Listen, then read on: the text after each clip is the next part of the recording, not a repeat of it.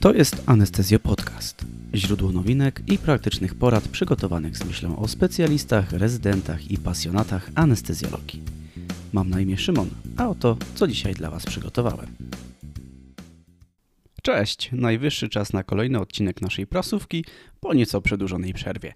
W dzisiejszym wydaniu wspomnimy o zagadnieniu anafilaksji po podaniu Sugammadexu, zastanowimy się jak płeć i wiek anestezjologa wpływa na jego postrzeganie przez pacjenta oraz podsumujemy dostępne dane o skuteczności metod ponownego wykorzystywania maseczek ochronnych. Zapraszam. Zanim przejdziemy do pierwszego tematu, małe ogłoszenie sponsorowane. Zapraszamy Was do wypełnienia dwóch ankiet. Pierwsza ankieta została przygotowana przez zaprzyjaźnione koło naukowe z Poznania i dotyczy preferencji znieczulenia ogólnego oraz powiązania ich z wątkami ekologicznymi. Druga ankieta przygotowana została przez Anestezjo Podcast i jest reaktywacją ankiety, którą umieszczaliśmy w zeszłym roku, dotyczącą samokształcenia rezydentów. W tym razem chcemy zobaczyć, jak COVID-19 wpłynął na Wasze nawyki, zatem zapraszamy do wypełnienia ankiet. Dostępne są na naszej stronie laryngoskop.eu.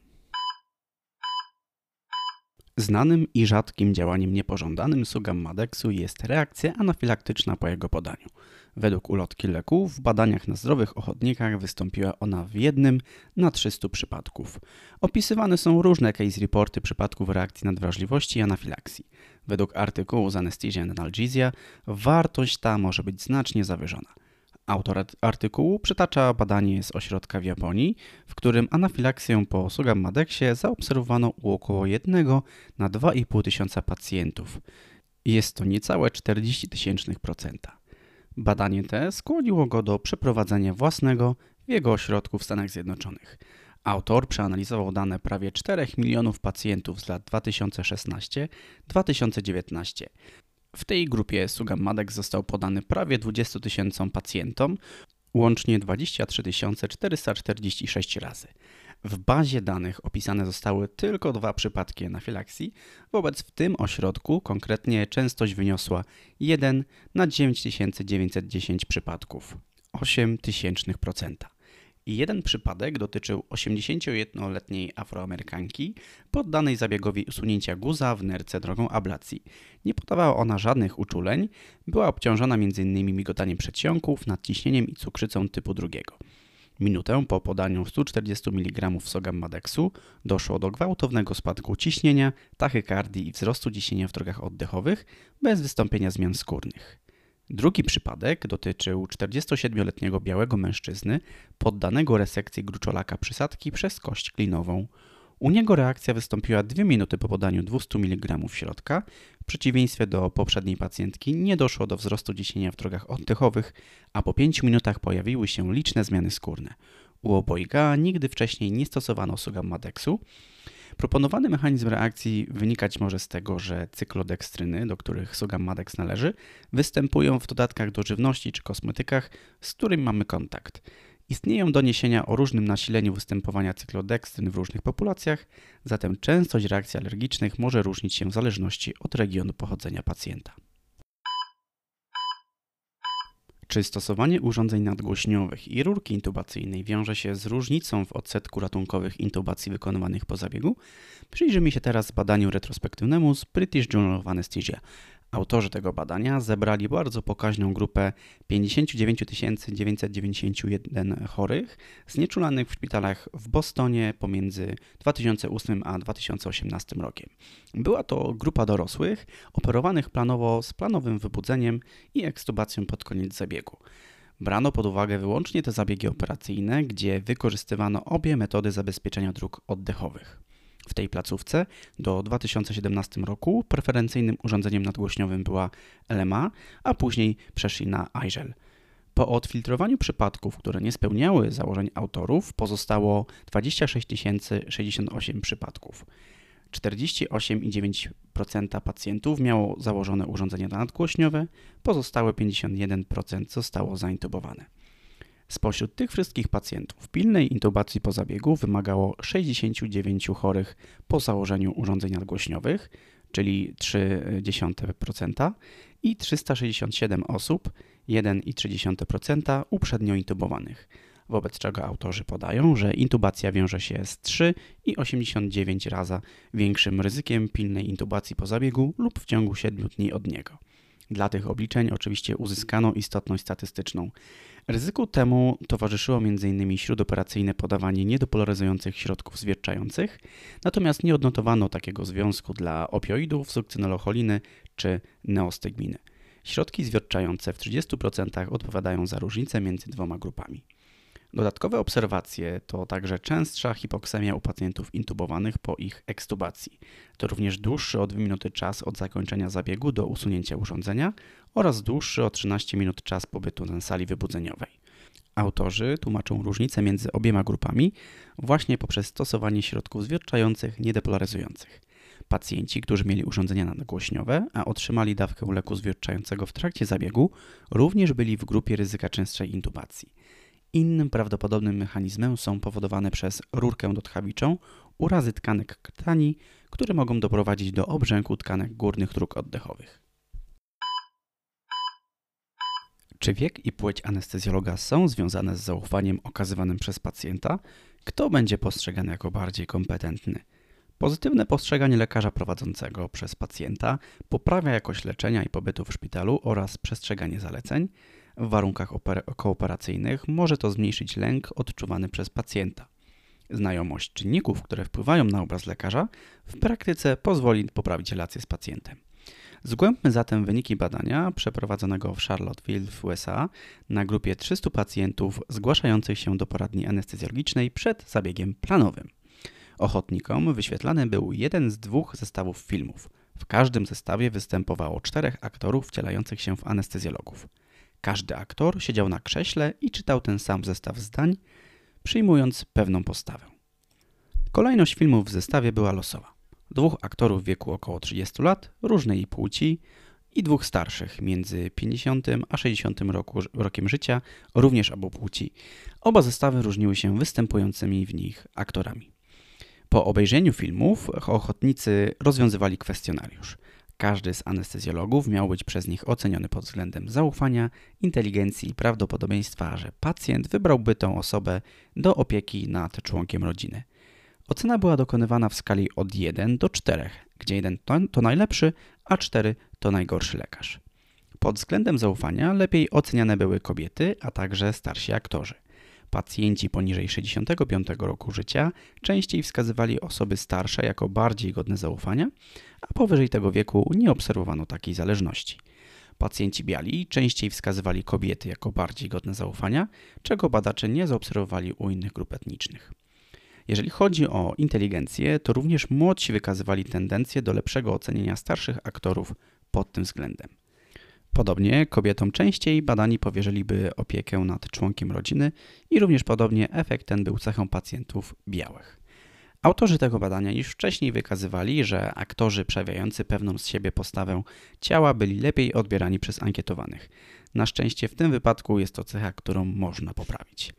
Ponieważ grupa badanych składała się w większości z białych pacjentów, tak jak aktorzy, nie można dokładnie ocenić powiązania preferencji pacjentów z innych grup etnicznych.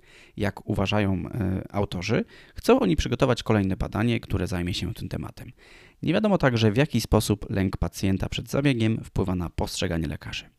Wyniki mówiące o lepszym postrzeganiu starszych anestezjologów autorzy zestawiają z informacją z dużego badania z lat 2011-2014, według której pacjenci leczeni przez starszych lekarzy wykazywali większą śmiertelność, z wyjątkiem tych lekarzy, którzy leczyli istotnie duże grupy pacjentów.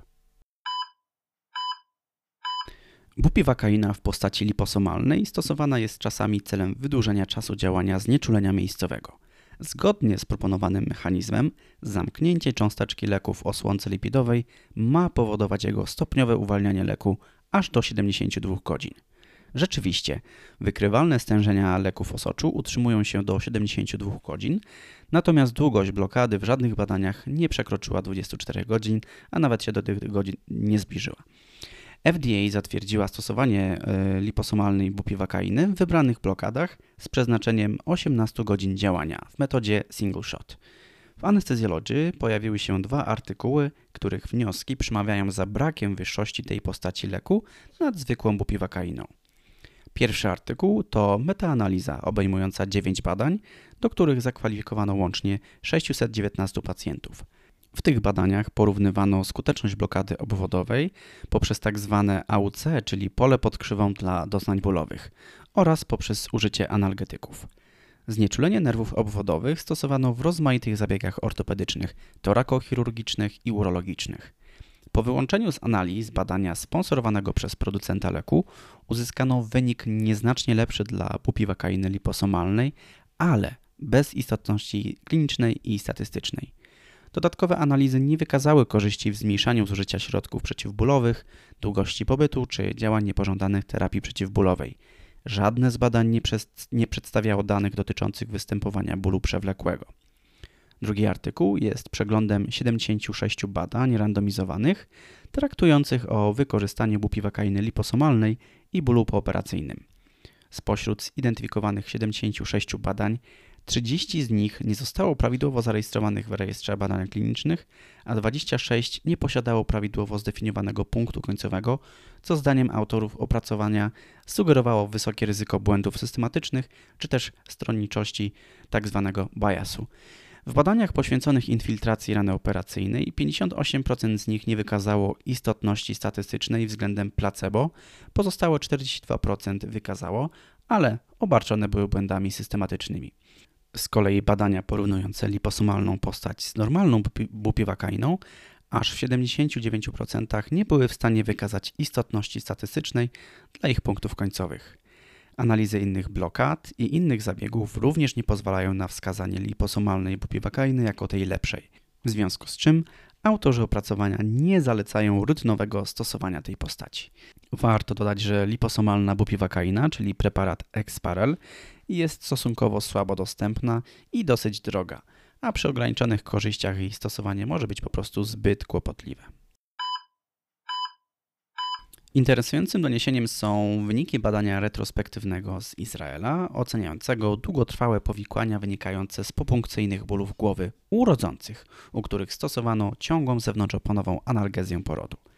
Autorzy zebrali łącznie 132 przypadki nakłucia opony twardej, które wystąpiły w ich ośrodku między 2012 a 2018 rokiem i porównali je z 276 pacjentkami, u których do tego powikłania nie doszło. Następnie kontaktowali się z nimi telefonicznie i zbierali informacje o przebiegu okresu połogu. Głównym obiektem zainteresowania było występowanie depresji poporodowej, dalej także zespołu po stresu pourazowego czy zaburzeń laktacji. Wyniki są dosyć ciekawe. W przypadku kobiet, u których naruszono oponę twardą, depresja poporodowa wystąpiła w 52%, a w grupie kontrolnej tylko w 11%. Podobnie zwiększoną częstość w tej grupie odnotowano dla zespołu stresu pourazowego odpowiednio 13% y, kontra 0,4%. Popunkcyjne bóle głowy korelowały także z rzadszym karmieniem piersią. 54,5% kontra 76,8% karmiących piersią przy prawidłowym przebiegu znieczulenia. Badane pacjentki skarżyły się także częściej na bóle głowy i pleców, odpowiednio 32,6% kontra 15% dla bólu głowy oraz dla bólu pleców 44% przeciwko 21%. Od początku pandemii pojawiło się wiele improwizowanych patentów na ograniczenie aerozolizacji cząstek wirusa w trakcie intubacji i innych procedur. Przykładem są wycinane, klejone boksy intubacyjne z pleksji, Powszechnie wiadomo, że w trakcie ich użytkowania ujawniły się problemy jak ograniczona wygoda stosowania, ryzyko uszkodzenia sprzętu przez ostre krawędzie czy wydłużenie czasu intubacji. W Anesthesiology przeczytamy podsumowanie eksperymentu porównującego skuteczność siedmiu różnych metod barierowych w ograniczeniu ilości aerozolu gromadzącego się przy twarzy operatora. Porównywano różne konstrukcje boksów oraz obłożenie folią, proste lub w formie namiotu, Część konstrukcji jest w pełni zamknięta, np. boks z rękawicami w otworach, namiot z folii, półzamknięte jak boks z winylowymi przeponami w otworach, półotwarte, czyli standardowy boks z otworami, czy też składany boks oraz zwykłe obłożenie folią. Do eksperymentu wykorzystano manekina symulacyjnego. Przez nakładkę do ćwiczenia konikotomii wprowadzono generator aerozolu, który ten wydostawał się przez usta. Kaszel symulowano intensywnym ściśnięciem worka samorozprężalnego z ograniczoną szparą ust. Pomiary stężenia aerozolu wykonywano w kilku obszarach ciała manekina i na wysokości przeciętnego wzroku laryngoskopisty. W pomieszczeniu zapewniono brak przepływu powietrza z zewnątrz, dzięki czemu można było oceniać samodzielne rozprzestrzenianie się aerozolu. Jak zapewne się domyślacie, najskuteczniejsze są metody zamknięte. Boks z rękawicami zapewniał minimum 70% redukcję ilości cząstek, namiot z folii przynajmniej 50%. Ryzyko ich rozszczelnienia wynika np. z nieprawidłowego ułożenia kabli i rur pod boksem zamiast w ich części doogonowej. W przypadku metod półotwartych badaczom nie udało się uniknąć e, przecieku, szczególnie przy pudłach składanych bez uszczelnienia krawędzi. Zwiększone stężenia aerozolu obserwowano przy otworach, w tradycyjnym, w tradycyjnym modelu boksu aż 25 razy większe. Przyleganie boksu poprawia ułożenie stołu w pozycji 180 stopni. W przypadku obłożenia lepiej użyć jest większej płachty foliowej, ponieważ zmniejsza to ryzyko odsłonięcia chorego przy przypadkowym jej pociągnięciu. Obłożenie pomimo swojej prostoty niestety wiąże się z uwalnianiem aerozolu w dużych ilościach w trakcie laryngoskopii przy podnoszeniu tego obłożenia, a aerozol dociera potem łatwo do twarzy operatora. Zastosowanie standardowego szpitalnego urządzenia do odsysania nie było na tyle skuteczne, aby przekierować przepływ aerozolu. Odsysanie może być przydatne, ale po to, aby usunąć zalegający z boksu aerozol przed jego uniesieniem po intubacji. Zakrycie części doogonowej zwiększa ilość aerozolu docierającą do operatora, stąd pewna przewaga metod półotwartych nad półzamkniętymi. Metody barierowe ograniczają, ale nie redukują do zera ilość potencjalnych cząstek zakaźnych, stąd tak ważne jest prawidłowe używanie środków ochrony indywidualnej. Skoro o środkach ochrony mowa, no to przejdźmy do ostatniego punktu dzisiejszego podcastu. W Anesthesia and Analgesia dostarczono nam zwięzłe podsumowanie, co wiemy o ponownym wykorzystywaniu masek FFP2, czyli odpowiadających im N95. Co prawda w wielu miejscach sytuacja z dostawami środków ochrony już się uspokoiła, nadal pozostają miejsca, gdzie masek po prostu brakuje lub też zdarzają się czasowe przerwy w ich dostawie. Warto wspomnieć, że maski mogą być poddawane dekontaminacji. Wówczas inaktywowane zostaje 99,9% drobnoustrojów albo też procesowi sterylizacji. Inaktywowane będzie wtedy o 3 dziewiątki na końcu więcej mikroorganizmów. Ważne jest, aby stosowana metoda nie wpływała na właściwości filtracyjne maski. Najprostszą metodą dekontaminacji jest czas. Pozostawienie maski w temperaturze pokojowej na 5 do 7 dni nie wymaga sprzętu, ale oczywiście może być niepraktyczne przy dużej ilości masek i nagłych potrzebach. Metody wykorzystujące wysoką temperaturę, mm, około 70 do 85 stopni, przez 60 minut są stosunkowo bezpieczne, ale mogą zmniejszać przyleganie maseczki. Nie powinno się stosować w tym celu kuchenki, e, ponieważ maseczka może mieć wówczas e, kontakt z blaszką, e, z gorącymi elementami grzewczymi i najprościej mówiąc ulegnie stopieniu. Większą skuteczność ma stosowanie gorącego, wilgotnego powietrza. Inną metodą jest stosowanie mikrofal wysokiej mocy około 1100 W przez 2-3 minuty. Tej metody nie zaleca jednak część producentów maseczek. Autoklaw jest sprawdzoną i skuteczną metodą, ale należy uważać, ponieważ wysoka temperatura może uszkodzić warstwę filtrów. Metoda ta również nie jest zalecana przez część producentów. Proponuje się stosowanie metody z natlenkiem wodoru. Jest ona bardzo skuteczna i eliminuje szerokie spektrum mikroorganizmów, w tym zarodników, ale prowadzi do przyspieszonego zniszczenia mocowania maski i filtra. Na koniec naświetlanie promieniami UVC. Metoda dostępna i łatwa. Wymaga jednak dokładności, ponieważ promienie UVC nie przechodzą łatwo przez przeszkody. Czego nie należy stosować? Nie należy stosować wody z mydłem, etanolu, chlorheksydyny czy wybielacza. Metody te są albo nieefektywne, jak mydło, albo mogą uszkodzić maskę lub w niej pozostawać, wywierając działanie toksyczne na użytkownika. To już wszystko na dzisiaj. Zapraszamy do odwiedzania strony laryngoskop.eu, gdzie znajdziecie notatki do tego podcastu. Do usłyszenia.